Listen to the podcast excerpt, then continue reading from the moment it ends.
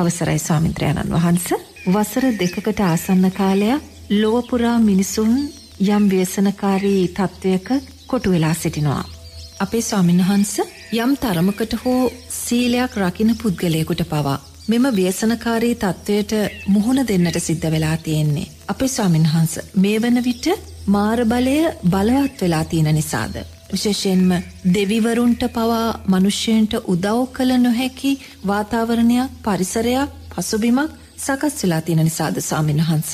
ඉති එහෙම පසුබිමක් ඇතිවෙනවානං ඒ පසුබිමටවා කියන්න ඕනොත් මනුස්්‍යයාම තමයි. ඒකට අමනුෂ්‍ය වගේ යුතු නැහැ. බුදුරජන් වහන්සේ දේශනා කරනවා මනුස්්‍යයා පිරිහෙන්න පිරිහෙන්න. ඒකෙන් මනුස්්‍යයා සීලයෙන් පිරිහෙන්න ත්‍යයාගෙන් පිරිහෙන්න මෛත්‍රියෙන් පිරිහෙන්න දිරේතුරුවම මනුස්්‍යයාගේ පිරිහීමේ ස්භාවයට අදාළව නෝනා දෙවියනුත් පිරිහෙනවා කියනවා. මනුස්්‍යයාගේ පිරිහීමට අදාළව දෙවියනුත් පිටමකොද දෙවයා කියන්නෙත් කාමච්චන්දයන් තුළ ජීවත් වෙන කෙනෙ. දෙ සෝවාන් පලට පත් නොව්ව ඒ හැම කෙනෙක්ම ඇස පිනවමින් කණනාසේ දිවශරීරය මනස පිනවමින් කාමච්චන්දයන් තුළයි ජීවත්වෙන. එතෝට මනුස්්‍යයා පිරිහීමේ ස්භාවය වැඩිවෙන්න වැඩිවෙන්න නෝනා බුදුරජාණන් වහන්සේ දේශනා කරනවා ඊට අදාළව මේ මනුස්සලෝකයේ පිරිහීම දිව්‍ය චක්කුවලින් දැකලා දිව්‍ය සෝතවලින් අහලා හෙත් දෙවියරුන් පිරිහෙනවා කියනවා. තොට බුදුරජන් වහන්සේ කියද්දේ මනුස්්‍යයාගේ පිරිහීමට සාපේක්ෂව දෙවියනුත් පිරිහෙනවා කියලා අමනුස්්‍යයෝ ගැන කතා කරන දෙයක් තිනවාද අමනුස්්‍යයෝ ගැන කතා කරන්න දෙයන්න හැ. දෙවියනුත් පිරිහෙනවනං අර සුන්දර දිව්‍යතලවුල ඉන්න දෙවියන් මේ මනුස්සලෝකය ආශ්‍රිතව ඉන්න දෙවියනුත් මනුස්්‍යයාගේ පිරිහීමට අදාළව ඒවා දැකලා ඒවා අහලා ඒගොල්ලොනුත් පිරිහෙනවනං මනුස්සලෝකය ආශ්‍රිතව ජීවත් වෙන අමනුෂ්‍යයින් ඒවගේම යක්ෂයින් දිව්‍ය කොටස් ඒ අයගේ පිරිහීම ගැන අපිට අයිමත් අමුතුවෙන් ආන දෙයක් නෑ. අනිවාර්යෙන් මේ අයත් පිරිහෙනවා. එනිසයි පිරීමේ ලක්ෂණ නෝන අපිට මේ සමාජයේදී හැබැලු හම් පේනවානේ ද අපි බලමුකෝ මහසාගරය ඇසුරු කරගෙන ජීවත්වෙන අමනුෂ්‍යක් කියන කවුද. අසුරය. එතට මහසාගරය මුල්කරගෙන ජීවත්වෙන මහසාගරය ඇසුරේ ජීවත්වෙන අසුරයා කියන නෝනා පෙරජීවිතේ සාගරය උපාදානය කරගෙන මැරිලා පටිච්ච සමුපන්න උපත ලබන සත්වේ. එතොඩේ කෝම දෙයා ඉපදුනේ තුෂ්නා පච්චයා උපාදානං උපාදාන පච්චයා බවෝ බවපච්චයා ජාති. එයාගේ තුෂ්නාව සකස් වනේ මුහුදු වතුර කෙරෙයි මුහුදු ජලය කෙරෙයි මුහුදු විනෝදය කෙරෙයු තුෂ්නාවී. ඒ නිසා උපාදානය සකස් වනා අන්න ගිහිල්ලා පටිච්ච සමුපන්නෝ මරණයක් සමගම ගිහිල්ලා මහසාගරය අසුරෙක් වෙලා ඉපදුනා. එතුර දැන් බුදුරජාන් වහන්සේ දේශනා කරනවා මනුස්්‍යයාගේ පිරිහීමට සාපේක්ෂව දෙවියනුත් පිරිහෙනවා එහනම් අනිවාර්යයෙන්ම මේ අසුර කොටසුත් පිරිහීමට ලක්වෙන. දැ මනුස්්‍යයා මානසික ආතෘතියෙන ජීවත්වෙන්නේ නොන. ගෙවල් ඇතුළට වෙලා ඉරවෙලා මනුස්සෙක් දැන් මුහදට යන්නේ නෑ මුහදට බහින්නේ නෑ මේ ලංකාවිතරන්නේ මංකෙන ලෝකෙම. මුහද නාන්‍ය යන්නේ නෑ මුහද විනෝද වෙන්න යන්නේ නෑ. ඒ නිසාම නෝනා මේ මනුස්ස ලෝකයේ මනුස්්‍යයා අතෘප්තියෙන් ඉන්නවා වගේම ඒ මහසාගරය ඇසුරු කරගෙන ජීවත්වෙන අසුරයාත් අතෘප්තියෙන් ඉන්න. මොකද ඒ අයට කාමච්චන්දයන් විදින්න බැහැදැන්. අර මුහුදේ කාන්තාවෝ පිරිමි අර අඩ නිරුවතින් බැහැල නාද්දී ඒ රූපයන් නොල ඇලිලා ඒ රූපයන් සමඟ ගැටිලා ඒ රූපයන් ඇසුර ජීවත් වෙලා කාමච්චන්දයන් විින්ද ලක්ෂ ගනන් කෝටි ගණන් අසුරයින්ට නෝනා දැන්ගේ කාමච්චන්දයන් අහිමි වෙලයි තිේ මොකද මනුස්්‍යයාට කාමච්චන්දයන් විදින දැන් ඒගොල මුහදර බහින්නේ නැහැ. ඉති ඒ නිසාම නෝනා ඒ අයත් මානසික අතෘප්තියනු ජීවත්තයෙන්. ඒ නිසාම අපිට වනත් පේනවා මුහුද ආශ්‍රිතුව නෝන අප්‍රමාණ අනතුරු සිද්ධවීම වැඩි. මොකද ඒගොල්ලන්ගේත් පංචුපාදානස්කන්දය ගිනි තවතාව වැඩි වෙන. තෙන් දැම් මනුස්සයාගේ මේ අතෘප්තිය කියන්න මේ ඒ අයගේ පංචුපාදානස්කන්ද ගින්දර ඇවිලෙන්ම වැඩින්න නොන තුෂ්නාව වැඩි ඇලීම් ගැටීම් නිසාම හැම වෙලාම මනුස්්‍යයාගේ පංචුපාදානස්කන්දය තුෂ්නාවෙන් ගිනි ගනිමින් තමයි පවති. එතොට අර පිරිස්සොල්ටත් නෝනායේ කාමච්චන්දයන් දුර්වල වෙද්දී ඒගොල්ලොනුත් නිරේතුරුවම ගැටෙන ස්භාවෙන් තමයි ජීවත්තෙන්. ඒ නිසාම මුහදාශ්‍රිත වනත් බලන්න නැව් ගිලෙනවා කියනවා නැව් ගිනිගන්නවා මහා අප්‍රමාණ මුහදාශ්‍රිත පස්න ගොඩක් මට්ටු වෙලා තියෙනවැයි ඒ අමනුස්සයින්ගේ කිපීම් වෙන්න පුළුව. ඒවත් බලපාන්න පුළුවන්ගේ තේන මොකද මනුස්්‍යයාගේ පිරිහීමට සාපේක්ෂව අමනුස්සයනුත් පිරිහීමට පත් වෙනවා. දෙවියනුත් පිරිහීමට පත් වෙන.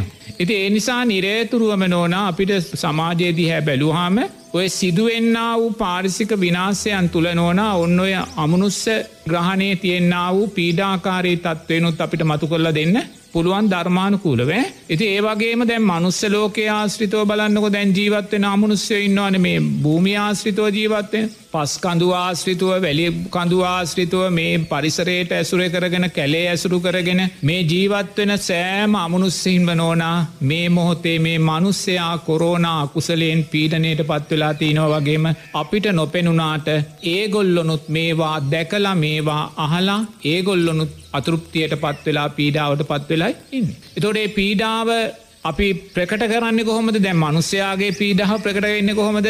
දැම්බේ මනුස්්‍යයා කොරෝනා කුසලේ නිසා රටේ බලවත් ආර්ථික බිඳ වැටීම් සිද්ධ වෙනවා රෝගී භාවයන් වැඩි වෙනවා. ඒ නිසාම නෝනා ජනතාවගේ වචන භාවිතය දැන් හුඟක් වෙනස්.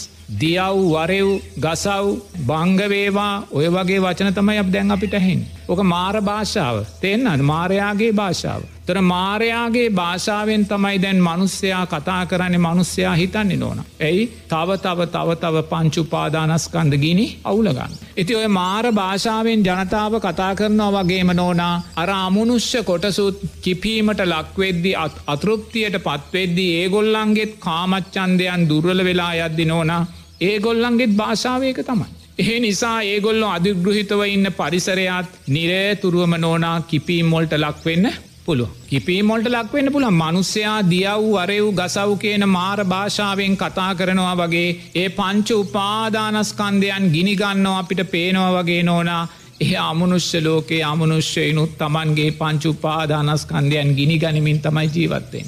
ඒ නිසාම අපිට පේනවා බලවත් වූ නායෑම් සිද්ධ වෙනවා ගංවතුර සිද්ධ වෙනවා අප්‍රමාණ පාරසික විනාසයන් සමාජය තුළ සිද්ධ වෙන. මෙතනදී මාරයාගේ ග්‍රහණය කියල කියන්නේ නිරේතුරුව මේ වසවර්ති මාරයාගේ ග්‍රහණයක් නෙමේ මේ මනුස්්‍යයා විසින් සිදුකරගත්තා වූ අකුසල්ලොල විපාකය තමයි මෙතන සංස්කාර මාරයා හැටියට අපිට ධර්මාණු කුලෝ මතු කරල පෙන්න්න පුළුවන්. ඒ නිසා නොවනා නිරේතුරුවම මනුස්්‍යයාගේ මේ අකුසල් සංස්කාරයන් නිසා මනුස්්‍යයාගේ පංච උපාදානස්කන්ද ගිනි රූපවේදනා සංඥා සංකාර විඤ්ඥානයෝ නිරේතුරුවම මේ තුෂ්නාව හේතුවෙන් ගිනි ගැනමින් පවතින නිසාම නෝනා මේවා ඇසුරෙන් නිරේතුරුවම දෙවියන්ගේත් අමනුෂ්‍යයින්ගේත් පංච උපාදානස්කන්දයන්නා දිසාවට ගමන් කරනවා කියන කාරණය ධර්මානුකූලව සත්‍යයක් වෙනවා නොන. ඒක අනිවාර්යම දිය යුතු දෙයක් ඈ? දැන් විශාලාවේ අප්‍රමාණර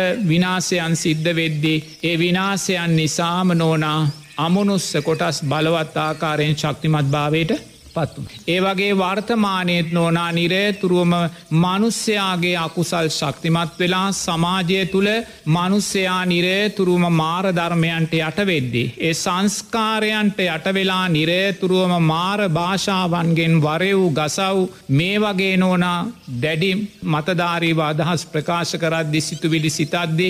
ඒ වගේම බලවත් ආකාරයෙන් කාමච්චන්දයන්ට යොමුවෙද්දි මේවා නිසා අනිවාර්යෙන්ම මේවා දැකල නොන අමනුස්ස ලෝකේ අමනුස්සේනුත් තමන්ගේ පංචු උපාදානස්කන්ද ගිනි තව තව ශක්තිමත් කරගන්නවායි කියන කාරණය ධර්මානුකුල ඇත්තත්. හොදේ ඒ නිසා සමාජය තුළ අපිට පේනවා නිරේතුරුව මේ දේවල් මනුස්්‍යයා කිපෙනවා වගේම මනුස්්‍යයා කාමච්චන්දයන් වඩනවා වැඩිවෙනවා වගේම අමනුස්ස ලෝකයේ අමනුස්සේනුත් නොනායේ ආකාරයෙන්ම කිපීම් කාමච්චන්දයන් වැඩීම නිසාම පාරසිරික විනාසයන් පාරිසරික විකෘතීන් ඒ වගේම මහා සාගරය තුළ සිද්ධ වෙන්න වූ විනාසයන් බලවත් ආකාරයෙන් තිවරභාවයට පත් වෙලා තියෙනවා. ඉතින් දැ මේවා අපි කොච්චර කතා කර කර හිටියා කියලා නෝනා අපිට මේ ප්‍රශ්න විස දෙන්නේ නැහැ. අපේ ස්වාමිනහන්ස ධර්මය තුළ ඊට පිළිතුරක් ඇති මොකක් දේ උත්තරය අපි කළ යුත්තෙකුමක්ද. සුන්දර අවස්ථාවක් උදා වෙනවා මේ සුන්දර ඇසල මාසේ ඇසට මාස කියද්දිම අපිට මතක් වෙන සුන්දර වස්සානය ඒකැන තවස් දවස් කීපයකින් සුන්දර වස්සානයක් උදාවෙනවා.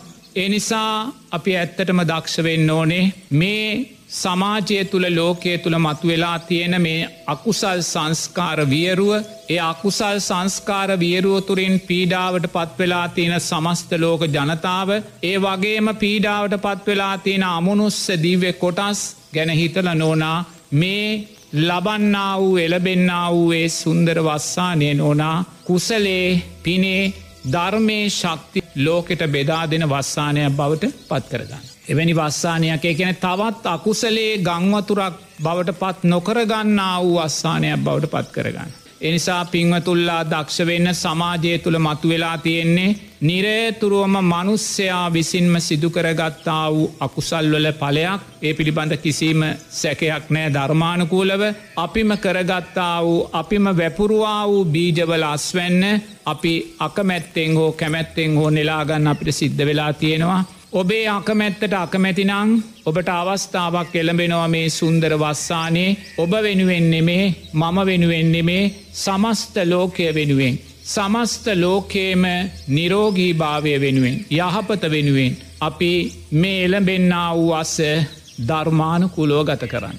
ඒම ධර්මානුකුලෝ ගත කරද්දි අපිට කවදක්වත් එක අතකින් අපපුඩි ගහන්න බැහැ. එනිසා අපපුඩි ගහන්න නං අනිවාරය මත් දෙකම එකතු වෙන්න. එනිසා ලබන්නා වූ අස්සානය ධර්මය අර්ථයන් වැඩෙන යහපත් වස්සානයක් බවට පත්කරගන්න නම් පැවිදි අපිට විතරක් ඒක කරන්න බැහැ. ගිහි ඔබල පින්වතුල්ලාවන ඔබලාට විතරක් ඒක කරන්නත් එනිසා නිරේ තුරුවම අපි දෙපාර්ශවයම මේ අභියෝගය මේ අනතුර තේරුම් අරගෙන අවම වශයෙන් මේ උදාවනා වූ අස්සානේදීවත් මේ අභියෝගය යටපත් කරගෙන නිරෝගී භාවයට අදාළ මේ පංචුපාදානස්කන්ද ගිනි යම් පමණකොට හෝ නිවාගැනීමට අදාළව ධර්මයන් මතු කරගන්න නෝනා අපි දෙපාර්ශ්‍රමය දක්ෂ වෙන්න ඕන. එනිසා නිරේ තුරුවම ගිහිපින්වතුල්ලා හැටියට කල්පනා කරන්න මේ එලබෙන වස්සානය අර සක්කායිදිට්ටිය වැඩෙනාකාරයෙන් මමත්වේ දැඩිභාවය වැඩෙනාකාරයෙන් ලෝබදේශ මෝහයන් වැඩෙනාකාරයෙන් මේ වස්සානයේ ප්‍රයෝජනයට ගන්න යන්න එපා. නිරේතුරුවම තෙරුවන් කෙරේ සද්ධාව කර්මය කර්මඵල විශ්වාසය ඒ වගේම තෙරුවන් කෙරේ වූ ගරුත්වය ඒ වගේම සියතින් ප්‍රනීතව සකසා කරන්න වූ පූජාවන්ගෙන් මේ වස්සානය සුන්දර වස්සානයක් බවට කුසල් ධර්මයන්ගෙන් පෝෂණය වූ පින ශක්තිමත් වෙන්න වූ අස්සානයක් බවට මේ වස්සානය පත් කරගන්න. ඒ වගේම පැවිදි පක්ෂය වන අපි නිරේතුරුව දක්ෂවෙන්න ඕනේ මේ විපාක දෙන්න වූ බලවත් අකුස්සලය දිහැ සිහිනුවනින් දැකලා අපේ උතුම් සුපටිපන්න ගුණයන් අපේ උතුම් උජු පටිපන්න ගුණයන් ඥාය පටිපන්න ගුණයන් සාමීචි පටිපන්න ගුණයන් මේ වස්තුම් මාසය තුළ ජීවිත පරිත්‍යයාගෙන් ශක්තිමත් භාවයට පත් කරලා නිරේතුරුවම මේ විපාක දෙන්න වූ අකුසලය යටපත් කිරීම උදෙසා අපට කළ හැකියේ උත්තරීතර පරිත්‍යයාගය අපි වෙනුවෙන් නෙමේ සමස්ත ලෝකයා වෙනුවෙන් සිද්ධ කරන්න අපි මේ උදාවෙන්න වූ අස්සානය ප්‍රයෝජනයට ගන්න පුළුවන්න්න ඕනා ඒක සුන්දර අවස්ථාවක් බවට පත්වෙනවා. ඒ නිසා විපාක දෙන්නේ අකුසලයක් මේක යටපත් කරන්න නම් කුසලේ ශක්තියම අපි මතු කරගන්න ඕනේ ඒ කුසලේ ශක්තිය අපිට මතු කරගන්න නං අනිවාර්යෙන්ම අපි කල්්‍යාන මිත්‍රාශ්‍රය සද්ධර්මසවනය නුවනින් මෙනෙහි කිරීම තුළ නිරේතුරුවම මේ සංසාර බය සංසාර ගැඹුර සංසාර දුර නිරතුරුවම නුවනින් දකිමින් ඕනා මේ ආර්යෂ්ඨාංගික මාර්ගයේ ශක්තියමයි අපි ජීවිතයට එකතු කරගන්න ඕනේ. එනිසා ඔබ මගෙන් ප්‍රශ්නයක් ඇව්ව මෙතෙන්ට ආපුලාවෙ සාමීන්වහන්ස කෙනෙක් ප්‍රශ්නයක් නගල තියෙනවා මේ වුවදුර මේ කොරෝනා වසංගතය මේ රෝගී භාවයට අදාළ සංස්කාරයන් කවදා ඉවරෙනවාද කියලා. මේ රෝගී භාවයට ජරාව්‍යාදි මරණ කියන මේ ධර්මතාවේ සිද්ධ වෙන්න නෝනා අපි කවදාහරි දවසක උතුම් චතුරාර් සත ධර්මයන් අවබෝධ කළ මොහොතෙයි. අපි කවදාහරි දවසක මේ උතුම් මාර්යෂ්ඨාංගික මාර්ගය පරිපූර්ණ කරලා සම්මා සමාධිමත් හිතෙන් නිරේතුරුව සතර සටිපට්ටාන ධර්මයන් පංචු පාදානස්කන්ද ධර්මයන් මතු කරගෙන අපි යම් දවසකද මේ පංචු උපාදානස්කන්දේ අනිත්‍ය භාවය අවබෝධ කරලා ඒ උතුම් චතුරාර් සත ධර්මයන් අවබෝධ කරන්නේ මේ විනාසේ මේ ජාති ජරාව්‍යාදි මරණ දුකේ අවසානය එතනයි නොන සිද්ධවෙන්. ඉන් මෙහා කවදක්වත් මේකේ අවසානයක් අපිට බලාපොරොත්තු වෙන්න බැහැ. සාරා සංක කල්ප ලක්ෂ සියක් කෝටි ප්‍රකෝටි ගානක් ඇතක ඉඳං සම්මා සම්බුද්ධ ශාසන ලක්ෂගානක් පසුකරගෙන මේ ජරාව්‍යාධි මරණ දුක පටිච්ච සමුපන්නෝ අපි සමඟ ඇවිල්ලතිනවා. එනිසා නිරේතුරුවම මේ පංචුපාදානස්කන්ද ලෝකය කෙරෙහි විශ්වාසයක් ඔබ ඇති කරගන්න එපා යම් තැනක තුෂ්නාව තියෙනවනං එතන දුක තියෙනවාමයි එනිසා නිරේතුරුව මේ ධර්මතාවය සිහිනුවනින් දැකලා ඔබට මේ දුකෙන් මිදෙන්න ඕනෙනං මේ විපාක දෙන අකුසල් සංස්කාරයන්ගෙන් ජයග්‍රහණය ඔබාත් කරගන්න ඕනෙනං අපිට ඉතුරු වෙලා තියෙන එකම එක තැන තමයි මේ උතුම් ධර්ම මාර්ගය උපයෝගී කරගෙන උතුම් චතුරාර් සත්‍ය ධර්මයන් අවබෝධ කරගන්න.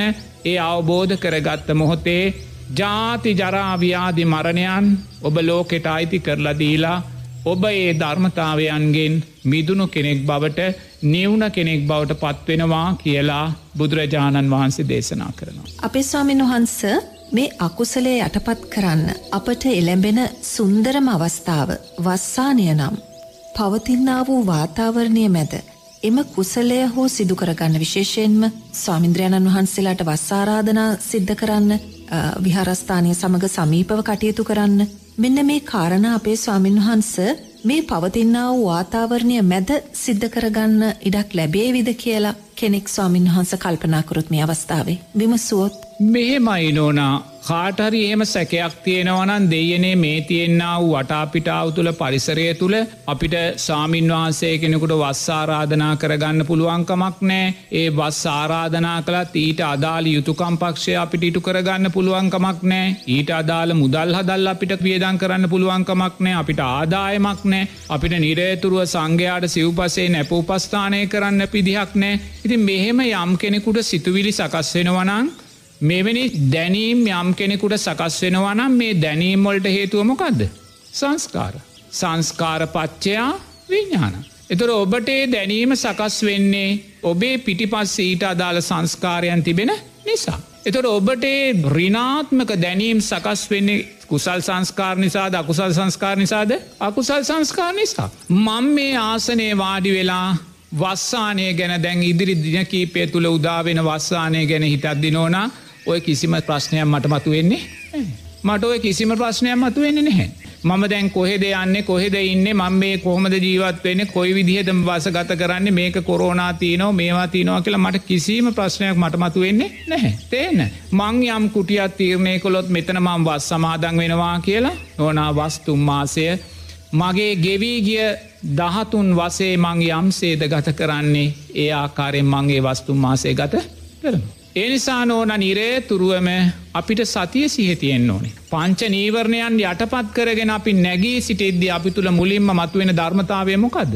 සති සම්බෝජ්ජන්ගේ. කාමච්චන්ද ව්‍යාපාද තීනමිද්ද උද්දච්චකු කුච්ච විචිකිච්චාවන් යටපත් කරගෙන අපි ධර්මානුකූලුව නැගේ හිටිද්දි නෝන අපි තුළ මුලින් මතුවෙන්නේ සති සම්බෝජ්ජන්ගේ. තොට සති සම්පෝජ්ජන්ගේදි කියන් මොකක්ද. අපි ධර්මයට අදාළව බුදුරජාණන් වහන්සේ දේශනා කලා වූ චතුරාර් සත ධර්මයන්ට අදාළව දකිනවා මේ ප්‍රශ්නය. තේන සංසාර බය සංසාර ගැඹුර සංසාර දුර ඊට අදාළව අපි මේ ප්‍රශ්න දකිනවා. තිේන්න එතොට එහෙම දකිද්දි නෝනා මේ ප්‍රශ්න කියන්නේ අපට අමුතු ප්‍රශ්නයක් නෙමේ මේ ප්‍රශ්න කියන්න අපිට ප්‍රමුතු ප්‍රශ්නයන් නෙමේ. තියෙන ඉපදීම තියෙනවානං එතන ජරා ව්‍යාධි මරණ සෝක පරිදේව දුක්ක දෝමනස්යන් ප්‍රියන්ගෙන් වෙන්වීම් අප්‍රියන්නා එක්වීම් පංච උපාදානස්කන්ද දුක තිබෙනවා මයිනෝන. අපි ඒ දුකෙන් තොරව අපි ඉපදීම ගැන කතා කරන්න යනවනං ඒ කියන අපි තාම සද්ධාව සකස් කරගෙන නැහැ. අපි තාම සම්මාධිත්‍යය සකස් කරගෙන නැහැ. එනිසා ඉපදීම යම් තැනක තියෙනවාද දැන් අපි ඉපදිලා ඉන්නේ එනිසා එතන ජරා ව්‍යාධි මරණ සෝක පරිදේව තියෙනවා මයි. ඉන් තොර ජීවිතයක් අපිට දකින්න ඒකයි ධර්මය කියන්නේ. ඒකයි බුදුරජාණන් වහන්සේ දේශනා කලා වූ ධර්මය කියන්න. ති එහෙම තියෙන නිසයි අපි මේ දුකෙන් මිදන්න මේ දුක තුනී කරගන්න තියෙන එකම මාර්ගය වන ආර්ෂ්ඨාංගික මාර්ගය මේ මතු කරගනයන්නේ. මේ මතු කරගන්න අනේකයි මේ උතුම් වස්සානය තුළ. එනිසා කොයිදේටත් පෙරාතුව නෝනා ඔබ කළ යුතු දේ කරන්න.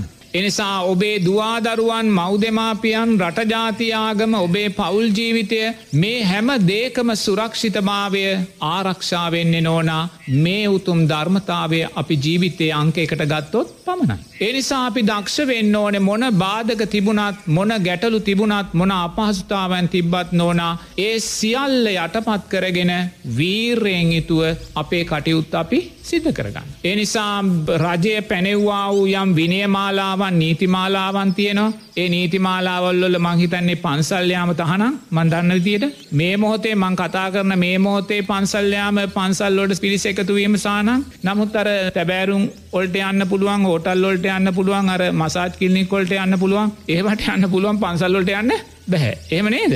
මන් දන්න මේ මොහොතේ මං කතා කරන මේ මොහොතේ යන්න බෑ. පන්සල්ලොට පිරිස යන්න බෑ. නමුත් අර ස්පාවල්ට යන්න පුළුවන්. තැබෑරුම් ඒවට යන්න පුළුවන්. පන්සල්ලොට යන්න බැහැ මන්දන්න ඇති ඔය නීති සකස් කරන අය මේවා මීට වඩා ධර්මානුකූලව සකස් කරගන්න ඕනේ. එනිසා මේ අකුසලයක් විපාක දෙන්නේ. සමවෙන්න සමින්හන්ස හොඟක් තැබෑරුම්වල හිමිකාරිත්වය තියෙන්නේ දේශපාලක්ඥන්ට. ඇති ඒකන පුතේ මේ ප්‍රශ්න මේ ඔඩුදුවල තින්නේ ප්‍රශ්න ඔඩුදුවල තින් ඒකනේ ලොකු ලොකු අයගේ සම්මාධිට්‍යයන් නැතිකමන නේද සම්මාධිට්‍යය තිබන ලෝකට සම්මාධිට්‍යය තිබන මෙවැනි විනාසයක් ලෝකය තුළ වෙන්නේ නැහැ. ඉතිේ ලෝකයේ සම්මාධිට්්‍යය දුර්වල භාවය නිසා තමයි මේ සියල්ල ඇරලා නමුත් පන්සල්ලොල්ට යන්න මේ මොහොතේ මං මේ කතා කරන මොහොතේ මෙ මං මේ කතා කරන්නේ ඇසල මාසේ පලවෙනි සතියේ මේ අපි මේ පටිගත කිරීම කළේ නමුත් එතනදි නෝනා මේ පන්සල්ලොල්ට යන්න බැහැ. එනිසා මේ නිරේතුරුවම ඒකෙන් අපිට පැහැදිලි වෙනවා අපි මේ ප්‍රශ්නය අපේ රටේ වගකයුත්තන් ආයකින් මේ ප්‍රශ්නය ධර්මානකුලෝ තේරුම් අරගෙන නැහැ. ඒවගේම අපේ ගෞරවනය සාමීන් වහන්සේලාත් සමහර විට තේරුම් ගැනීමේ දුර්වලතාවයන් තුළ ඉන්න පුළුවන්. එනිසා මේ මොහොත නිරේතුරුවම වඩාත්ම ශක්තිමත්ව ක්‍රියාකාරීත්වය තුළ තියෙන්න ඕනේ පන්සලත් ඒ වගේම අන්‍යාගින්ක පිංහතුල්ලාගේ උතුම් ආගමික ආයතන. මොකද ඒ තුළින් තමයි ජනතාවගේ ධර්මය ශක්තිය සීලේ ශක්තිය තයාගේ ශක්තිය මෛත්‍රියයේ ශක්තිය ඒ වගේම පිනේ ශක්තිය අපි නිරයතුරුවම ශක්තිමත් භාවයන්ට පත් කළ දෙන්න. එනිසා මේ නිරයතුරුවම මේ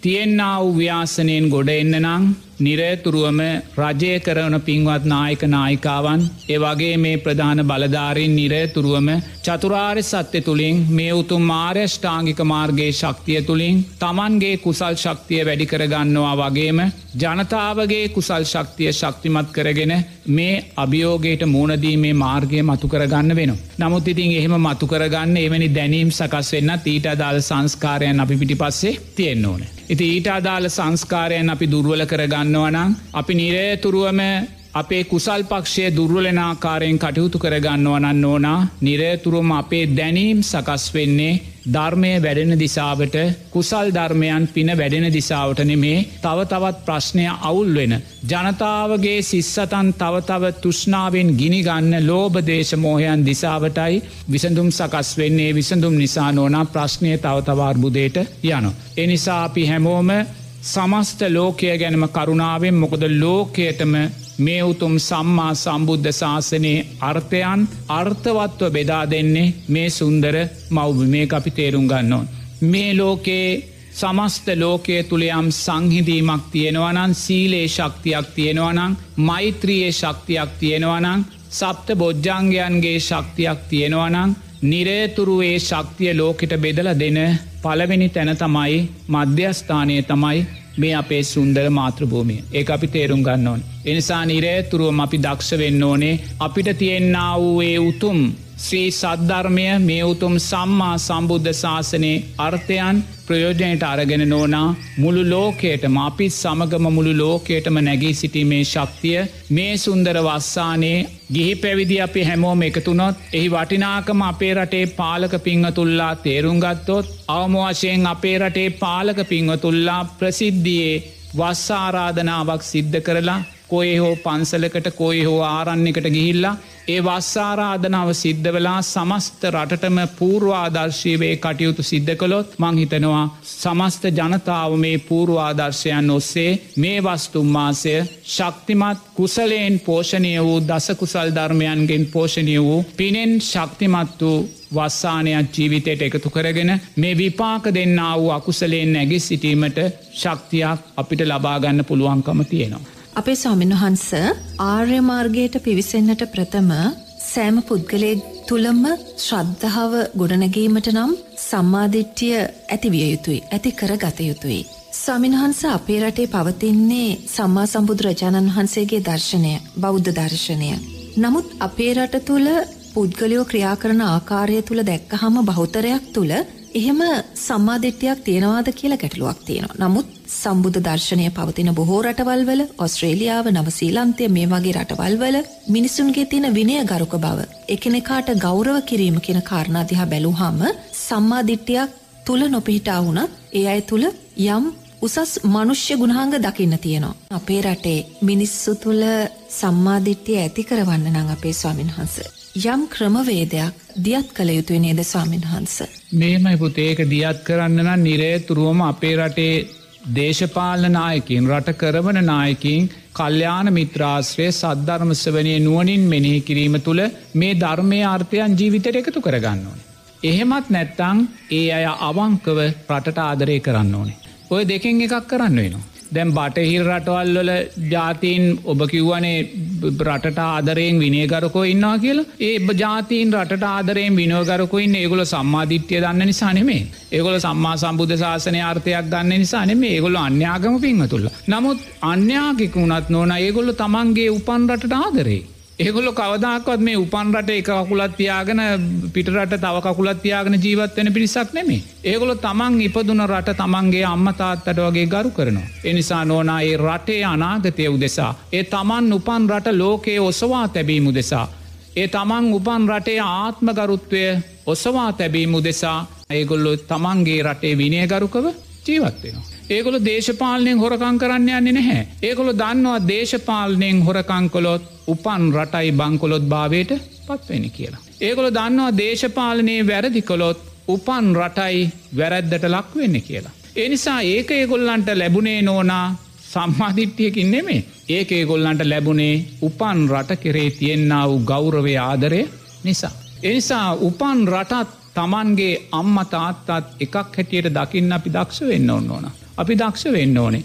එනිසා නිරේතුරුවම නෝනා අපි ඒ දක්ෂභාවය අපේ ජීවිත තුළ නැත්තං. අපි ගන්නා වූ ක්‍රියාමාර්ග නිසා අපේ වැඩ කටයුතු නිසා අපේ ප්‍රතිපදාවන් ප්‍රතිපත්ති නිසා නිරේතුරුවම නෝනා අපි උපන් රට දුර්වල වෙන දිසාවට නං අපි ගමන් කරන්නේ. උපන් රට කෙරේ ආදරයක් අපිට නැත්තං. අනි ජනතාවට රට කෙරේ ආදරය ඇතිවෙනආකාරයෙන් කටයුතු කරන්නේ නැත්තං. මේ උපන් රටේ තින වටිනාකම අපි දකිින් නැත්තං. කවදක්වත් ඒ නායකින් තුළින්නම් මේ මාතෘභූමියයට යහපතක් අපිට දකින්න බැහැ. ඒ නිසා එක්කො සම්මාධිට්්‍ය ආර්ථයන් තුළින් අපි අකුසලේ යටපත් කරගෙන නිරේතුරුව නැගේ සිටින්න ඕනේ එම නැත්තං නෝනා නිරේතුරුවම අර බටහිර ජාතීන් වගේ තමන් ඉපදුන රටට ආදරය කරන්න පුහුණු වෙන්න ඕනේ. එනිසා නිරේතුරුවම එහෙම කොළොත් නෝනා විනයගරුක භාවය අපි තුළින් ඇති කරගන්න පුළුවන්. මම සම්මා සම්බුද්ධ ශාසනයට ආදරේ. මම සම්මා සම්බුද්ධ ශාසනයට ගත් කරනවා. මම දන්නවා මේ උතුම් සම්මා සම්බුද්ධ ශාසනය තින වටිනාකම කුමක්ද කියලා. මන් දන්නවා මේ සම්මා සම්බුද්ධ ශාසනය යම් දවසක අතුරු දහන් වුණොත්. ලෝකය ගිලෙන්න්නා වූ මිත්‍යා දුෘෂ්ටික භාවය අගාදය මොකක්ද කියලා මම දන්නවා. ඒ නිසාම නෝනා ජීවිත පරිත්‍යයාගෙන් මේ උතුම් සම්මා සම්බුද්ධ ශාසනය ආරක්ෂා උදෙසා මම කටයුතු කරනවා. ඇයි මම කටයුතු කරන්න. මේ සම්මා සම්බුද්ධ ශාසනයේ වටිනාකම දන්න නිසා. මේ සම්මා සම්බුද්ධ ශාසනය මේ ලෝකයේ තුළ ඔසවා තැබීම දෙසා. මේ සම්මා සම්බුද්ධ ශාසනය වැඩිපුර එකම දවසක් වෝ ආයුෂ්‍යය වර්ධනය කිරීම දෙසා. එනිසා නෝනාපි බුදුරජාණන් වහන්සේ පැනෙව්වා වූයේ සුන්දර විනය ධර්මයන් තුළ ජීවිත පරිත්‍යාගයන් කටයුතු කරන්නේ මේ උතුම් වූ ධර්මතාවය එක දවසක් වෝ ලෝකයේ තුළ ශක්තිමත් කරලා තබන්න. අපි මේ ලැබවා උතුම් ධර්මය ශක්තිය තවත් පරම්පරාවකට අයිති කරලා දෙන්න. එතොට ඒ ඒ දේ අපි කරන්නේ මේ ධර්මය වටිනාකම්බි දකින නිසා. එනිසා මේ මාතෘභූමියයේ මේ රටේ වටිනාකම මේ රටේ පාලකින් දකින්න ඕනේ. මේ සුන්දර සිංහල බෞද්ධ රට කියන්නේ නෝනා මංකිව්ව මේ ජාතිය දෙවනි වෙන්නේ ඉන්දියාවේ බුදුරජාණන් වහන්සේ පහළ වූ ශාක්‍ය වන්සේට පමණයි කියලා. හේතුඵල ධර්මයන් තුළින් පහළවෙන්න වූ ධර්මතාවයක්. මේ සිංහල බෞද්ධ ජාතිය විනාස වෙලා අතුරුදහන් වෙලා ගියදාට ආයිමත් සිංහල බෞද්ධ ජාතියක් ලෝකෙ පහළ වෙන්නේ මෛත්‍රී බුදුරජාණන් වහන්සේ පහළ වනාට පස්සෙ නොන. ඒ තරමටම වටිනා පින්වන්ත ජාතියක් මේ සිංහල බෞද්ධ ජාතිය. ඒ වගේම මේ සුන්දර මාතෘ භූමිය කියන්නේ ඒසා පින්වන්ත භූමියක්. ඒ පින්වන්ත භූමිය නිසාමයි ජීවමාන බුදුරජාණන් වහන්සේ හැටියට වඩ සිටින රුවන්වැලි මහා සෑ සමුදුන් වහන්සේ ජයශ්‍රී මහා බෝ සමිදුන් වහන්සේ මේ උතුම් දන්ත ධාතුන් වහන්සේ මේ සියලුම පූජනීය වන්දනය ස්ථානයන් ස්ථානගතවෙච්ච මේ ලෝක ධාතුවේ පිම්බරම බිම්කඩයි නෝනා මේ බිම්කඩ. මේ බිම්කඩයි ලෝකයටම ධර්මය අර්ථයන් සීලේ අර්ථයන් මෛත්‍රී අත්‍යයාගේ අර්ථයන් ලෝකෙට බෙදල දෙන්න. සීලාචාර ධර්මයන් ලෝකෙට බෙදල දුන්නේ මේ ජාතියයි. නමුත් නොනා අවාසනාවක මහත කියන්නේ මේ සුන්දර මාතෘභූමියයේ වටිනාකම තේරුම් නොගත්ත නෝනා මේ රටට ආදරයක් නැති දේශපාලක්ඥයින් පසුගිය අවුරුදු හතිය හතලිය පණහතුළ පහලබීම නිසාම නෝනා රටට ආදරයක් නැතුව තමන්ගේ දේශපාලට තමන්ගේ පක්ෂයට තමන්ගේ බලයට ආදරය කරන්නේ ෑම නිසාම නෝනා සමස්ත සමාජයම සමස්ත මාතෘ භූමියම ආත්මකරුත්වය මුළු ලෝකයේ ඉදිරියේම හැල්ලුවට ඇදල දාලා තියෙන. ඉති එනිසා නෝනා මේවා හේතු පල ධර්මයන් කොතනකුවත් වැරැද්දක් නෑ අපි වපුරපුදේ අපි අස්වන්න හැටියට ගන්නේ ඒ නිසා අපි නිරේතුරුවම දක්ෂවෙන්න ඕනේ රටේ රාජ්‍යනායකයාගේ පටන් සෑම පින්වත් ජනතාම නෝනා මේ මාතෘභූමිය තින වටිනාකම තේරුම් ගන්න. ඒ වටිනාකම මේ සුන්දර මාතෘභූමියට ලබල දුන්නේ මේ උතුම් සම්මා සම්බුද්ධ ශාසනය අර්ථයන්මයි. මේ සුන්දර සම්මා සම්බුද්ධ ශාසනය අර්ථයන්නම් මේ උතුම් මාතෘභූමියයට මේ වටිනාකම ලබල දුන්නේ. අපි සියල්ලටම පෙරාතුව ජීවිත පරිත්‍යයාගෙන් ආරක්ෂා කළ යුත්තේ පෝෂණය කළ යුත්තේ ගරු කළ යුත්තේ මේ උතුම් සම්මා සම්බුද්ධ ශාසනයටයි. ඒ සම්මා සම්බුද්ධ ශාසනය මතු කරලා දෙන මේ උතුම් චතුරාර් සත්‍ය ධර්මයන්ගේ අර්ථයතයි. ඒ චතුරාර් සත්‍ය ධර්මයන්ගේ ආර්ථය තුළින් ජයක් ග්‍රහණය අපිට මතු කරලා දෙන සැපය ලෞකික සැපය අපිට මතු කොල්ල දෙන උතුම් මාරේෂ්ඨාංගික මාර්ගයටමයි. නමුත් ඉතින් අපි අද මොකක්ද කරන්නේ. අපි ආරේෂ්ඨාංගික මාර්ගය වර්ණා කරනවාද ඔබ අහල තියෙනවද අපේ රටේ පාලක මහත්තුරු මං මේ වර්තමාන රජය ගැන විතරක් නෙමේ කියන්නේ. අපේ මේ රට පාලනය කරපු පවුගේ අවුරුදු පනහතුළ එද්දාස් නමසය හැත්ත හතෙන් පස්සේ පාලනය කරපු කිසිම පාලක මාත්තෙක් සීලේ වටිනාකම කියනව හලතිනවා. දානේ වටිනාකම කිය හලතින මෛත්‍රයේ වටිනාකම සමාධයේ වටිනාකම දැන් අපිට මොනවා දැහෙන්නේ. දැන් අපිට ඇහෙන්නේ කොම්පෝස්සල වටිනාකම. දැන්ට ඇහෙන්නේ එක තමයි කොම්පෝස් වාර්ණා කරනවා සීලය වර්ණා කරන්න කෙනෙ නැහැ. කොම්පෝස් වර්ණා කරනවා මෛත්‍රිය වර්ණා කරන්න කෙනෙ නැහැ. කොම්පෝස් වර්ණා කරනවා ආරෙෂ්ඨාංගික මාර්ගය වර්ණා කරන්න කෙනෙක් ඇයි නෝනා.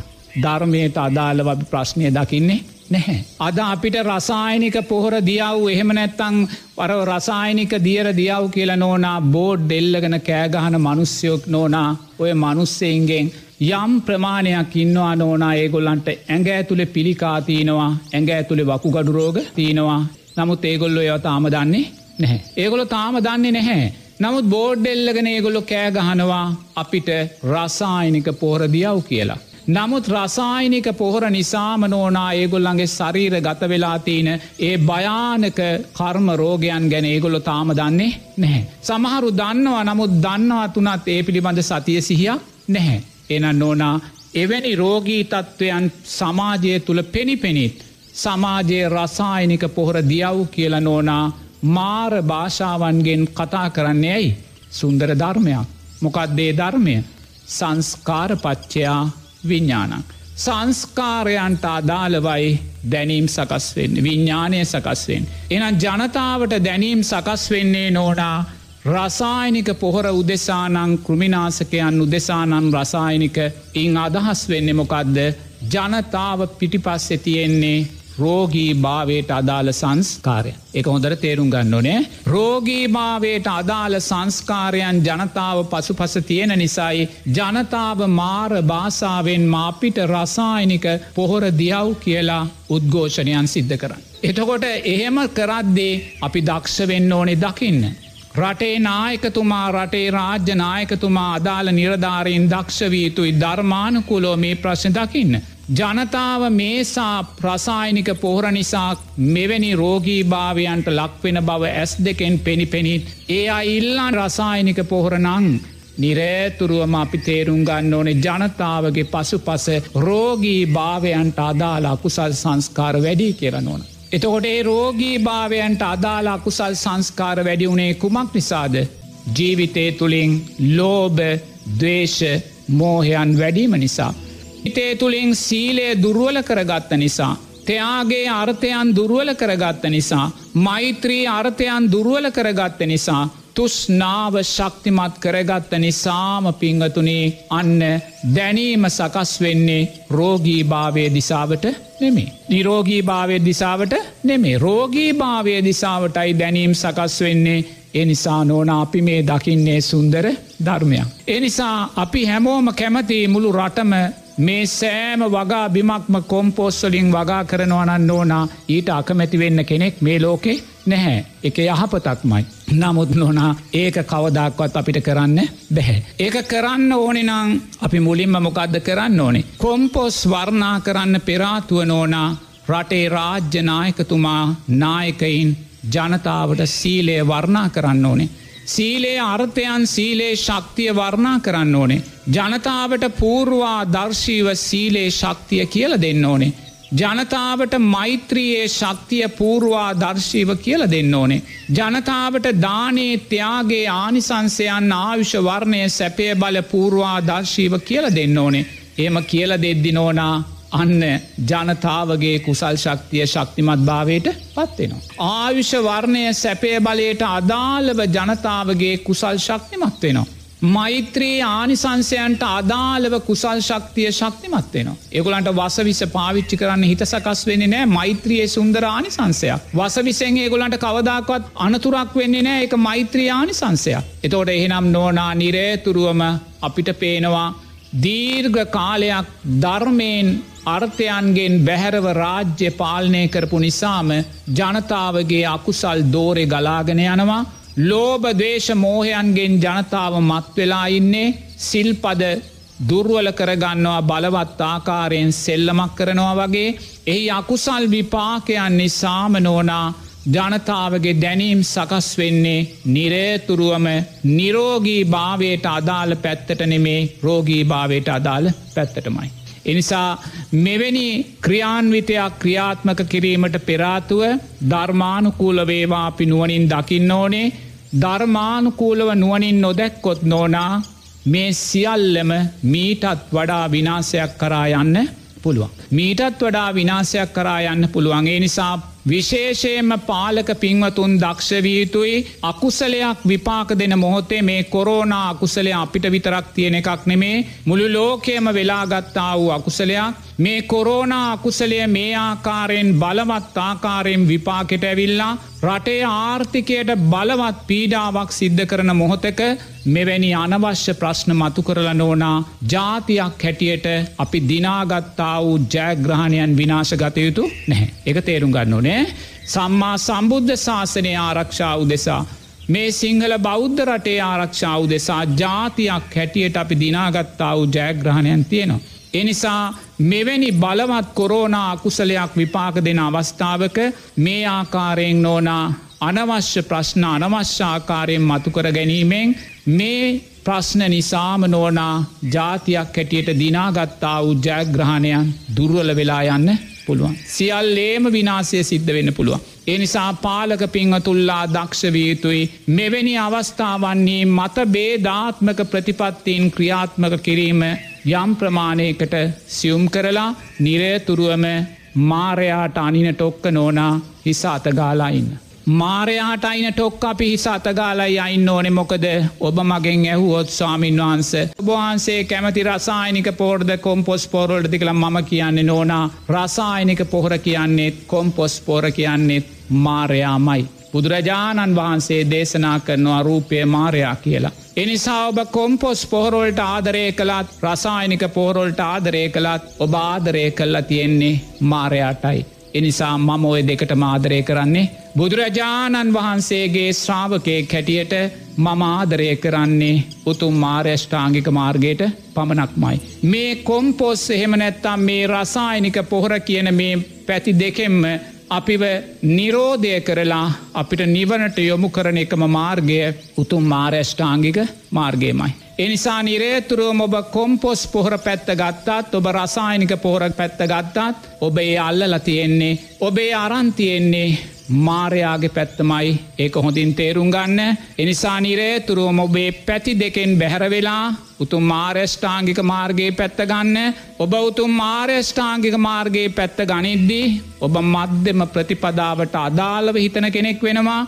ඔබ කොම්පොස් කියන අන්තයට යන්නෙත් නැහැ රසායනික කියන අන්තයට යන්නෙත් නැහැ. ඔබ දන්නවා මේ දෙක මන්ත දෙකක්. මේ අන්ත දෙකට ගියොත් මං මාරයා වසඟට ගිය කෙනෙක් වෙනවා. එනිසා මං මේ අන්ත දෙකට යන්න ඇතුව මධ්‍යම ප්‍රතිපදාව වෙන උතුම් මාර්යෂ්ඨාංගික මාර්ගය තුළින් නිරේතුරුවම මධ්‍යස්තව මේ ප්‍රශ්නය තීන්දු තීරණ ගන්නවා කියන තැනට එන්න.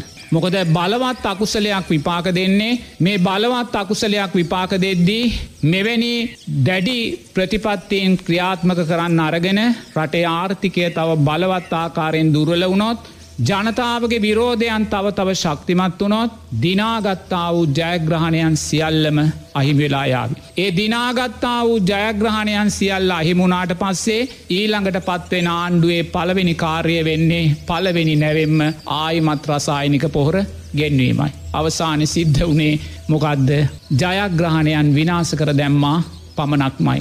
එනිසා නිරේ තුරුවම දක්ෂ වෙන්න මේ විපාක දෙන්නේ අකුසලයක්. ඒ අකුසලය විපාක දෙන වෙලාවේ නිරේතුරුවම දැඩි මතධාරීව කටයුතු කරන්න නැතුව මම තිබ්බ පය පස්සට ගන්නෑ කියන මමත්වේ දැඩි භාවයන් අලෝබදියෙන් සෝදලදාලා නිරේතුරුවම සිහිනුවනින් ආර්යෂ්ඨාංගික මාර්ගය වැඩෙන මධ්‍යම ප්‍රතිපදාව වැඩෙන අන්ත දෙකට යන්නේ නැතුව කොම්පොස් රසායනික කියන මේ අන්ත දෙකට යන්නේ නැතුව මේවා ජනතාවට මධ්‍යස්තව පාවිච්චි කරලා නිරේතුරුවම කුෂිකර්මාන්තයත් මේ දිනාගත්තා වූ ජාතියේ ජයග්‍රහණයනුත් දෙකම ආරක්ෂා කරගන්න අපි දක්ෂ වෙන්න නමුත් නෝන එවැනි දේවල් අපිට සමාජය තුළ පෙනෙන්නේ නැහැ. අපි මෙවැනි බලවත් අකුසලයක් විපාකදීල ආර්ථිකය බලවත් ආකාරයෙන් දුර්වල වෙන මොහොතක නෝනා ඒ ආර්ථික දුර්වලවීම තව තව ශක්තිමත් භාවයට අරං යන දිසාවට අපි දැඩි මතධාරීව තීරණය අරගන්නවා ඒ තීරණය ගැනීමට හේතුව නෝන සුන්දර ධර්මයක් ඒ ධර්මය තමයි සංස්කාරපච්චයා විඤ්ඥාන. සංස්කාරයන්ට අදාළවයි දැනීම් සකස්වෙන්.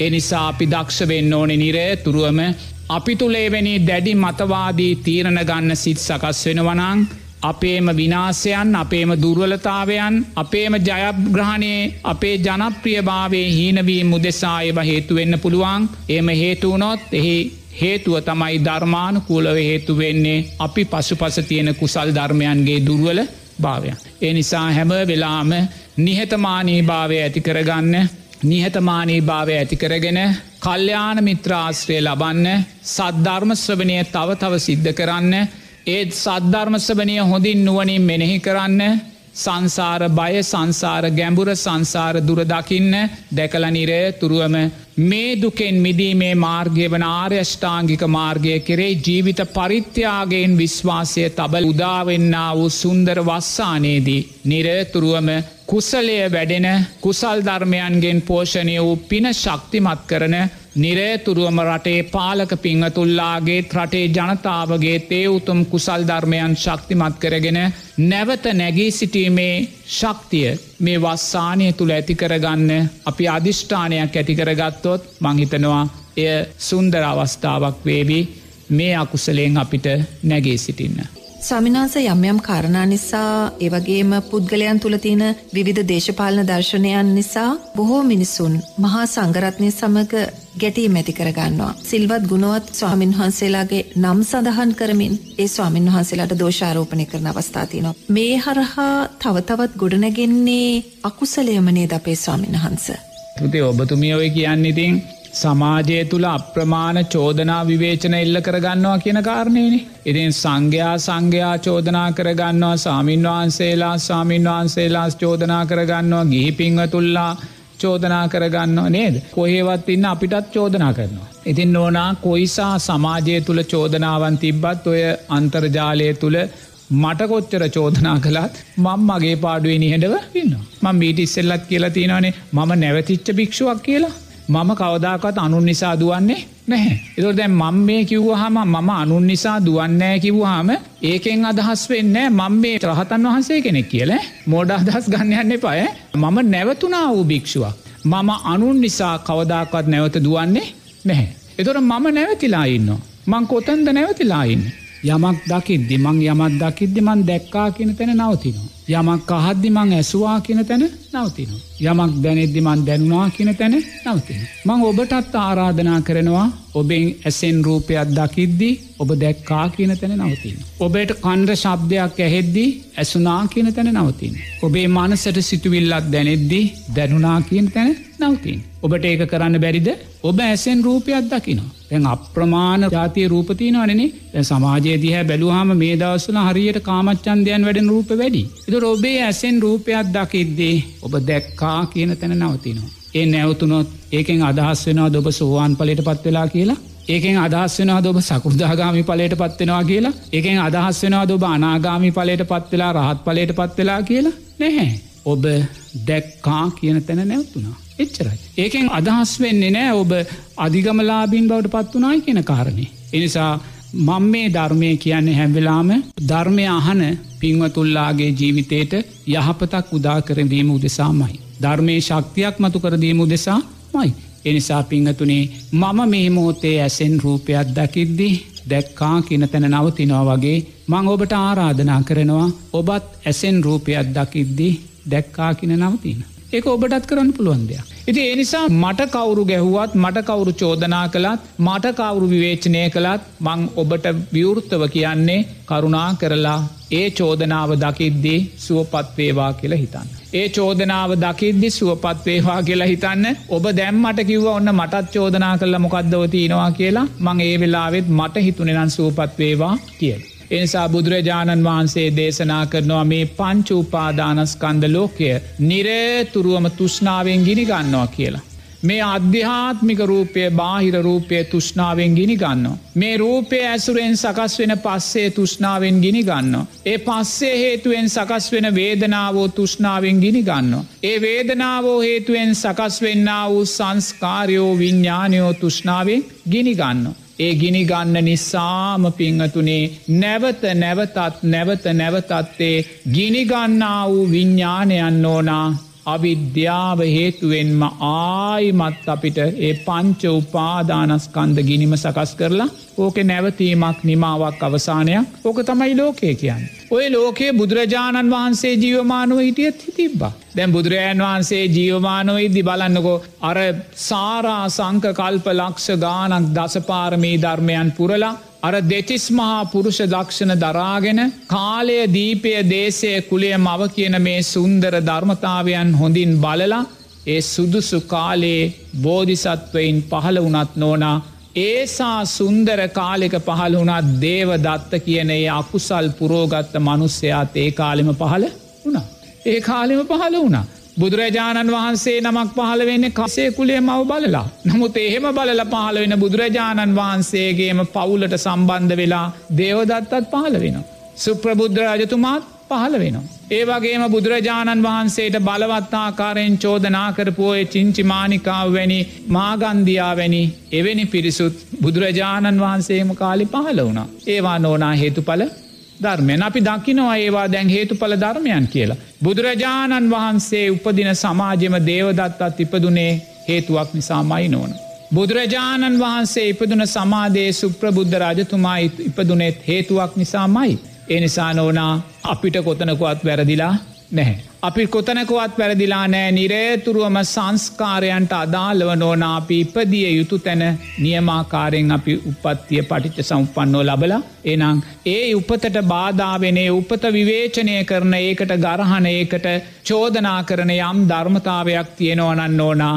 ඒ සෑම ධර්මතාවයක්ම අපි සංස්කාරයෝ හැටියටමයි අපි දකින්න.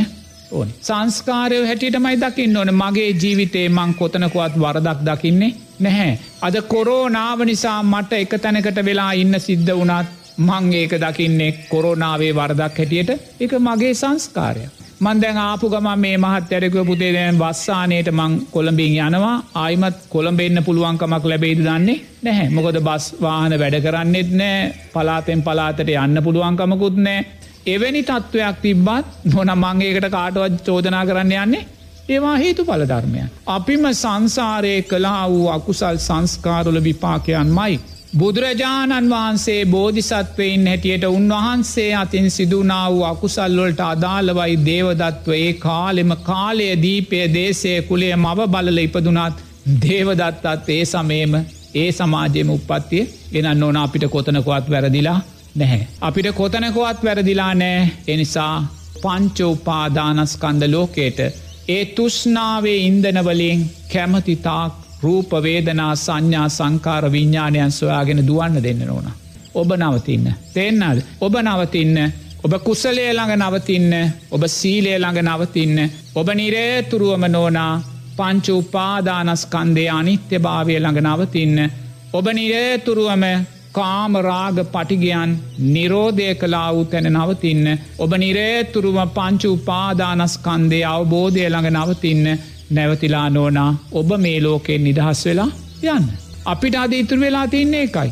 මොකද මේ විවේචන මේ චෝදනා මේ සාමීන් වහන්සේලා සාමීන් වහන්සේලා අතරතින මතබේද විවේචන ගිහි පැවිදි සමාජය අතරතින මතබේද විවේචන නෝනා නිරතුරුව මාරයා හැටියටම දකිින්. ඔය කොතන විවේචන තිබ්බත් කවුරු රණ්ඩුනත් කවුරු බැනගත්තත් ඔය සෑම දෙයක්ම නෝනා මේ අධ්‍යාත්මික රූපයයි බාහිර රූපය ඇසුරෙන්ම සකස් වෙන පස්සය හේතුවෙන් සකස් වෙන ධර්මතාවයන් මයි. එනිසා බුදුරජාණන් වහන්සේ දේශනා කරනවා යම් තැනක රූපයක් උපදීද ඒ උපදින්න මාරයා කියලා. ඒ රූපය ඇසුරෙන් යම් තැනක පස්සයක් සකස්වේද ඒ පස්සේ මාරයා කියලා. ඒ පස්සේ හේතුවෙන් යම් විඳීමක් සකස්වේද ඒ විඳීම මාරයා කියලා. ඒ විඳීම හේතුවෙන් යම් සංස්කාරයක් විඤ්ඥානයක් සකස්වේද ඒ ධර්මතාවයෝ මාරයා කියලා. ඒනන්න ඕනා මාරයා මම කියලගන්න එපා. මාරයා ඔබ කියලගන්න එපා මාරයා ඔහු කියලගන්න එපා. නිරේතුරුවම මාරයා මාරයා හැටියට දකින්න. මාරයා මාරයා හැටියට දකිමින් යම් තැනක රූපය ඉපදුනාද ඒ ඉපදුනේ මාරයාමයි එනිසා මම මේ රූපය නිරෝධය කරනවා කියන අධිෂ්ඨානයට එන්න නොන. මේ රූපය නිරෝධය කරනවා නැවත මං මේ රූපය පටිච්ච සමුපපන්න රූපයක් උපාදානය කිරීම උදෙසා යොමු කරගන්නේ නෑ කියෙන අධිෂ්ඨානයට ඇවිල්ල නිරේතුරුවම නෝනා මේ රූපවේදනා අධ්‍යාත්මික රූපවේදනා සංඥා සංකාර විඤ්ඥානයෝ මාරයා හැටියට දකිනවා වගේම. ඒ බාහිර රූපවේදනා සංඥා සංකාරයෝත් මාරයා හැටියටම දකින්න. දැකල නෝනා ලෝකය ගිනිගන්න හැරලා ලෝකයට දුවන්න හැරලා ලෝකයට කැමති තාක් බවගමනේ යන්න ඇරලා ඔබ නැවතුන කෙනෙක් ඔබ නියුණ කෙනෙක් ඔබ සැනසුන කෙනෙක් බවට පත්වෙන්න එසේ නැතුව නෝනා ඔබ ලෝකය අල්ල ගන්න ගියොත් අනුන්ගේ විවේචන ඔබ මගේ කරගන්න ගියොත් ඔබ මේ ආවා වූ සාරාසංක කල්ප ලක්ෂ ගානක් මේ පටිච්ච සමුපන්න ලෝකය ඔබ තව දුරටත් නෝනා අස්වැද්දවා වෙනවා. ඇතුරුවම ලෝකය හදන්න බුදුරජාණන් වහන්සේලා ලක්ෂගානක් පහළ වෙලත් මේ ලෝකය හදන්න පුළුවන්කමක් ලැබුන්නේ තුෂ්නාවෙන් හටගන්නා වූ මේ ලෝකය අවිද්‍යාවෙන් හටගන්නා වූ මේ ලෝකය චතුරාර් සත්‍ය ධර්මයන් නොදැනීම නිසා හටගන්නා වූ මේ ලෝකය නොහැදෙන ලෝකයක් මයි නෝන. එනිසායේ නොහැදෙන ලෝකය දෙස බලලා සංසාර ගැඹුර සංසාර දුර සංසාර බය මතු කරගෙන ඔබ මේ ලෝකෙන් එතර වෙන්න බුදුරජාණන් වහන්සේ කළෙත් ඒදේමයි සාරිපුත්ත මහෝත්තමයාණන් වහන්සේ කළෙත් ඒදේමයි යසෝදරා උත්තමාවිය උත්පලවන්නා උත්තමාවිය කළෙත් ඒදේමයි එනිසා ඔබ ඉම් බාහිර දෙයක් කරන්න යන්න එපා. එනිසා ලෝකයේ ස්භාවය කවදත් මේ විදියි ඔබේ ස්භාවයට අකමැතිනං කරුණා කර ලෝකය තිබෙන්න හැර ඔබ නිවී යන්න. අපේ ස්වාමීන් වහන්ස අද වැඩසටහනේ අවසාන භාගය ලෝකෙන් මිදීයාම පිණිස. කෙනෙක් ජීවිතය මොහොතින් මොහොත පුරුදු කළ යුතු ආකාරය ඔබහන්සේ අපිට පැහැදිලි කර දෙනවා නම්. ප්‍රායෝගික ජීවිතය ඇතුළි විශේෂයෙන්ම ඉතාමත් වටිනවා අද දවසේ මේ වැඩසටහනේ අවසාන කොටසදී. මෙහෙමයි නෝන ලෝකයෙන් මිදී යන්න නම් ලෝකෙන් මිදී යන මාර්ගය අපි ජීවිතයට එකතු කරගන්න පැ ද ලෝකයේ මිදී යන මාර්ගය ආරෂ්ඨාංගික මාර්ගයන. ලෝකයේ මිදී යන මාර්ගය ආරෂ්ඨාංගික මාර්ගය නිසා අපි ඉක්මං වෙනවා කියන අන්තයට අත්යන්නේ නැතුව එම නැත්තං අපි ප්‍රමාද වෙනවා කියන අන්තයටත් යන්න නැතුව අපි හැම් වෙලාම මධ්‍යම ප්‍රතිපදාවට එන්න ඕනේ. ඒ මධ්‍යම ප්‍රතිපදාව තමයි ආර්යෂ්ඨාංගික මාර්ගය. එනිසා නිරේතුරුව මේ ආර්යෂ්ඨාංගික මාර්ගය කරේ විශ්වාසය ඇති කරගෙන ආර්යෂ්ඨාංගික මාර්ගය කරේ විශ්වාසය ශක්තිමත් කරගන්න ශක්තිමත් කරගන්න අපි තුළ වැඩෙන්න තෙරුවන් කරේ සද්ධහවමයි. එනිසා නිරේතුරුවම මේ ලෝකධාතුවේ ලෞකික සැපේටත් ලෝකෝත්තර සැපේටත් තියෙන එකම එක මාර්ගය ලෝතුරා බුදුරජාණන් වහන්සේ දේශනා කරප ඒ උතුම් ආර්යෂ්ඨාංගික මාර්ගයමයි ඒ සත්‍යය ඔබ ජීවිතයෙන් තේරුම් ගැනීමමයි තෙරුවන් කරේ සද්ධාව කියල කියන්නේ. එනිසා ආර්යෂ්ඨාංගික මාර්ගය ශක්තිමත් කරගන්න වෙන මාර්ගයන් කෙරෙයි ඔබ බලාපොරොත්තු ඇති කරගන්න එපා. දැන් අපේ ජීවිතයෙන් වයසෙන් අපි අඩක් ගෙවිලා සමහරවිට අපිට තව අවුරුද්දත් දෙකක් වෙන්න පුළුවන් අපිට ජීවත් වෙන්න ලැබෙන්නේ. සමහරවිට අපිට තව අවුරුදු දහයක් පහළවක් විස්සක් වෙන්න පුළුවන් ජීවත්වෙන්න ලැබෙන්නේ බුදුරජන් වහන්සේ සියලු සංස්කාරයෝ අනිත්‍යයි කියලා කියනවා. එනිසා බොහෝම කෙටි කාලයයි අපිට ජීවිතයෙන් ඉතුරු වෙලා තියෙන්නේ. එනිසා ඔබ දක්ෂ වෙන්න ඕනේ. ඔබ මේ සුන්දර ජීවිතය ලැබුවේ හේතුවක් නිසාමයි. මේ සුන්දර බෞද්ධ රටේ මේ උතුම් තෙරුවන් වැඩ සිටින රටේ මේ උතුම් රුවන්වැලි මහා සෑ සමුදුන් ජෑස්ත්‍රී මහා බෝ සමුදුන් වැඩ සිටින රටේ මේ උතුම් චතුරාර් සත්‍ය ධර්මයන් ජීවමානෝ වැඩ සිටින රටේ ඔබ ඉපදුනේ හේතු පල ධර්මයක් නිසාමයි. ඒ සුන්දර ආර්ථයයේ පුං්ඥවන්ත ආර්ථය ඔබ ජීවිතයෙන් තේරුම් ගන්න. ඒ පුං්ඥවන්ත ආර්ථය ජීවිතයෙන් තේරුම් අරගෙන නිරේතුරුවම මේ උතුම් මාර්යෂ්ඨාංගික මාර්ගය අර්ථය ඔබ ජීවිතයට වහවා එකතු කරගන්න පිඟතුනි. ඔබ ඒ උදෙස්සාමයි මේ සුන්දර ජීවිතය ලැබුවේ. ඔබ මේ සුන්දර ජීවිතය ලැබුවේ ඔබ උතුම් මාර්යෂ්ඨාංගික මාර්ගයෙන් බැහැරවෙලා මිච්චා මාර්ගයන් වඩලා කාමත් චන්දයන් පංච නීවරණ ජීවිතවලට එකතු කරගෙන ආයිමත් සතරාපායකට වැටෙන්න්න නන්නෙමේ එක හොඳින් තේරුම් ගන්න. නමුත් සමාජය යන දිසාව බොම බියකරු දිසාවක් සුන්දර රටක උපත්තිය ලබලා මේ සුන්දර සම්මා සම්බුද්ධ ශාසනයේ දායාදයන් ලබලා ඒ සියල්ලම අපි අමතක කරලා කාමත් චන්දයන් වඩන්න ඇස පිනවන්න කන පිනවන්න නාසය පිනවන්න දිවශරීරය මනස පිනවන්න මේ පංච නීවරණ ගොල්ලේ තනිවෙන්න ගිහිල්ල පිංහතුනේ අපි අපේ සුන්දර උපතේ අර්ථය ඔබ විනාස කරගන්න එපා. එනිසා ඔබ දක්ෂ වෙන්න මේ උපත බුදුරජාණන් වහන්සේ ලබාදුන් උපතක් නෙමේ. දෙවියෙක් බ්‍රහ්මයෙක් ඔබට ලබාදුන් උපතක් නෙමේ. ඔබේ අම්ම තාත්තා ඔබට ලබාදුන් උපතක් නෙමේ. මේ සුන්දර මෞබිමේ මේ සුන්දර සම්මා සම්බුද්ධ ශාසන සෙවනේ ඔබ ලැබවා වූ මේ උපත ඔබේ පෙර කුසල් සංස්කාරයන් නිසාම පටිච්ච සමුපන්න ලැබවා උපතක් මයි පිංහතුනේ ඒ උත්තම අර්ථය ඔබ ජීවිතයෙන් තේරුගන්න. ඔබ මේ ලෝකේ මේ මනුස්ස ජීවිතය ලැබුවේ ගෙවල් දොරවල් හදල දවා දරුව හදල සල්ලි ගොඩගහලා දේශය වෛරයේ ජීවිතයට පුහුණු කරලා ආයිමත් සතරාපායට වැටෙන්න්න නං නෙමේ කියන කාරණය ඔබ කෙරෙයි ඔබ අනුකම්පාවෙන් තේරුම් ගන්න. තව බොහෝම කෙටිකාලයයි අපිට ඉතුරු වෙලා තියෙන සියලු සංස්කාරයෝ වේගෙන් අනිත්‍ය වෙලා යනවා. ඒ වේගෙන් අනිත්‍ය වෙන සංස්කාරයන් සමග අපේ ජීවිතයේ අවසානය අපේ අවසාන හුස්ම පොද කොයි වෙලාවේ අපෙන් බැහරට අයිද කියන්න අපි දන්නේ නෑ එනිසා එකම සැනසිල්ල අපිට තියෙන මේ උතුම් චතුරාර් සත්‍ය තුළින් අපි මතු කරගන්න උතුම් මාර්යෂ්ඨාංගික මාර්ගයේ ශක්තිය පමණක්මයි. එනිසා ඔබ ලැබවා වූ මේ සුන්දර පුං්ඥවන්ත උපතට ඔබ කෘතවේදී වෙන්න. ඔබ මේ පුං්ඥවන්ත උපතට නිරේතුරුවම ඔබ ගරු කරන්න එම ගරු කරලා පින්වතුනේ ලෝකයට යන දිසාවකට යන්න දෙන්න ඔබ ලෝකයේ දෙස බලන්න එපා නිරේතුරුවම ඔබේ මේ නාමරූපලෝකය ඔබේ මේ අධ්‍යාත්මික පංචු උපාදානස්කන්දය දෙස ඔබ බලන්න. ඔබේ අධ්‍යාත්මික පංචු උපාදානස්කන්දය පිංවතුනේ අවිද්‍යාවෙන් ගිනිගන්න දෙන්න එපා. තුෂ්නාවෙන් ගිනිගන්න දෙන්න එපා. බාහිර පංචු උපාදානස්කන්ද ගිනි කොතෙක් ඇවිලුනත්. ඒ ඇවිලෙන්න්න වූ බාහිර පංචු උපාදානස්කන්ද ගිනි නිසා ඔබේ අධ්‍යාත්මික පංචු පාදානස්කන්දය ගිනිගන්න එපා පිංහතුනේ.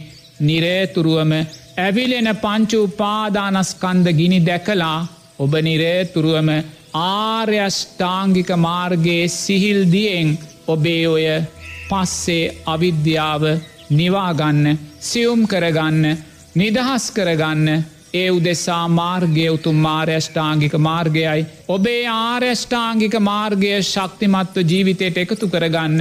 ඔබට අපහස පින්වතුනී ඔබ සාරා සංක කල්ප ලක්ෂ ගානක් පටිච්ච සමුපන්නව ආවා වූ මේ බව ගමනෙදී ජීවමාන බුදුරජාණන් වහන්සේලාගේ මුවින් මේ උතුම් චතුරාර් සත්‍ය ධර්මයන් අහල තියෙනවා. අතීතයේ උතුම් රහතන් වහන්සේලාගේ මුවින් මේ චතුරාරි සත්‍ය ධර්මයන් අහල තියෙනවා.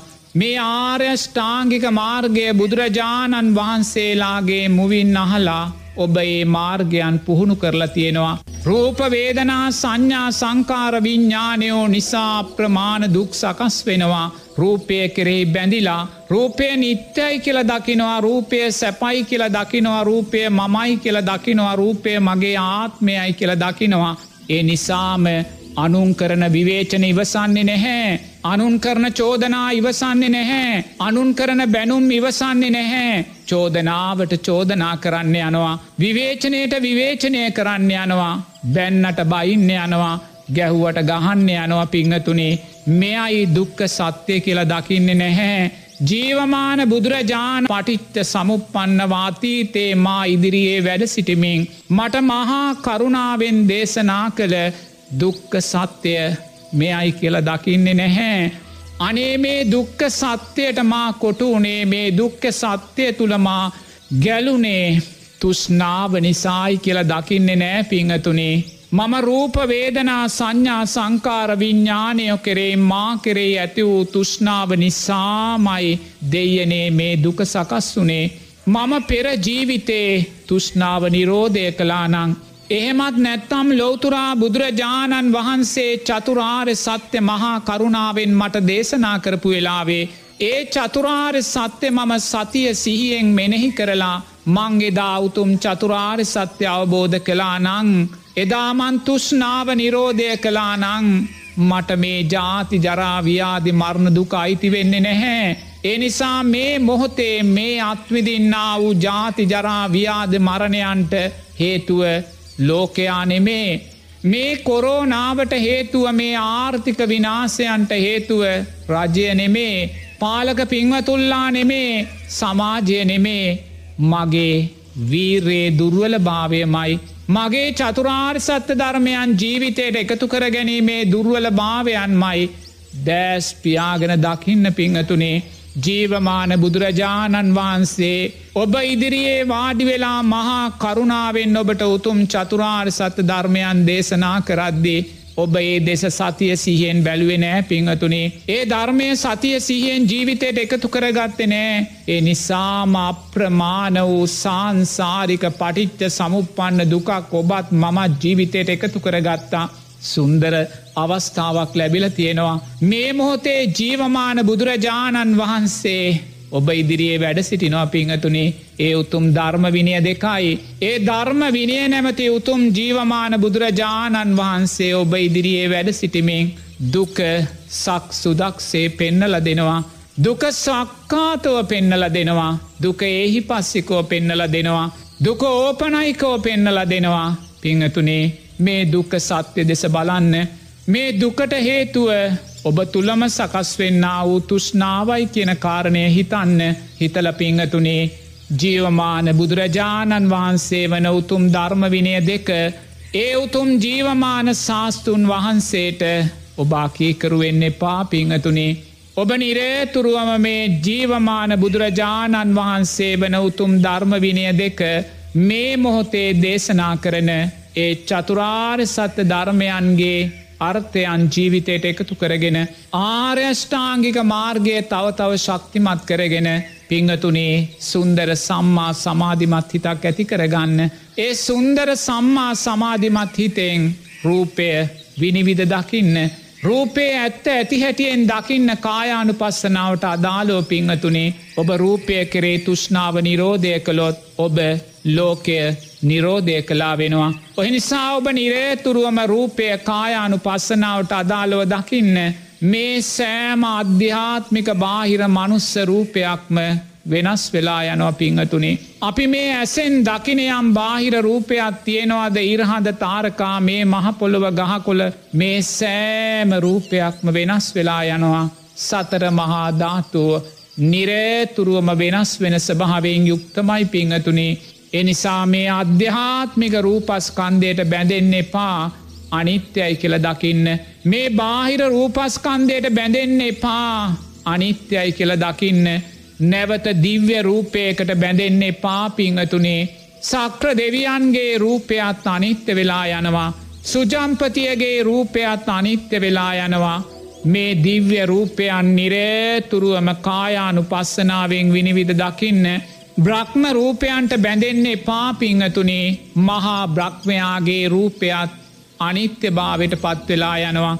එනිසා නිරේතුරුවම මනුස්ස දිව්‍ය බ්‍රහ්ම රූපයන්ගේ අනිත්‍ය භාවය ඔබ කායානු පස්සනාවෙන් මතු කල්ල දකිද්දී පිංවතුනේ ඔබ කවදාහරි මිය යන මොහොතේ ඔබේ පටිච්ච සමුපන්න විඤ්ඥානයට දැසගන්න රූපය ඔබ අහිමි කලා වෙනවා පිංහතුනේ මොකද ඔබ නැවත මනුස්ස රූපයක් කරේ දිව්‍ය රූපයක් කරේ බ්‍රහ්ම රූපයක් කරේ ඔබ තුළ තුෂ්නාව නැහැ ඔබ රූප තුෂ්නාව නිරෝධය කල්ලයි තියෙන්නේ. එනිසා ඔබේ උපාදානය නැවත බැඳී යාම් නැවත දිව්‍ය බ්‍රහ්ම මනුස්ස රූපයක් කරේ සිද්ධ වෙන්නේ නෑ පිංහතුනේ රූපය කෙරෙහි තියෙන තුෂ්නාව සින්ද තැන පටිච්ච සමුපන්න විඤ්ඥානයට බැසගන්න තියෙන නිවස ගෘහය ඔබ අහිමි කලා වෙනවා. පටිච්ච සමුපන්න විඤ්ඥානයට ආහාර ඔබ අහිමි කලා වෙනවා. එනිසා මේ පටිච්ච සමුපන්න විඤ්ඥානය ඔබ අවස්සාන හුස්මහෙලන මොහොතේ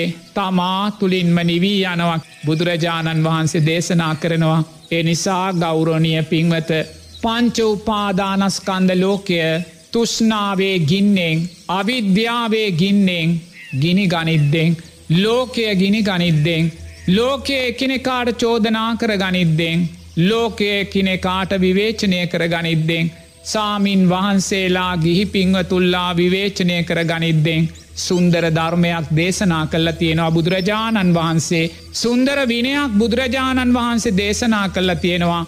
මිච්චා වචී කර්මයන්ගේ තියෙන්න්න වූ ආදීනවයන් බුදුරජාණන් වහන්සේ දේශනා කරනවා. ඒ කිසිම දෙයක් කෙරෙහි සතිය සිහිය සමාජයට දුරුවල නං පිංවතුනේ ලෝකෙට යන්න දීලා ඔබ නිවී යන්න කියලයි බුදුරජාණන් වහන්සේ දේශනා කරන්නේ.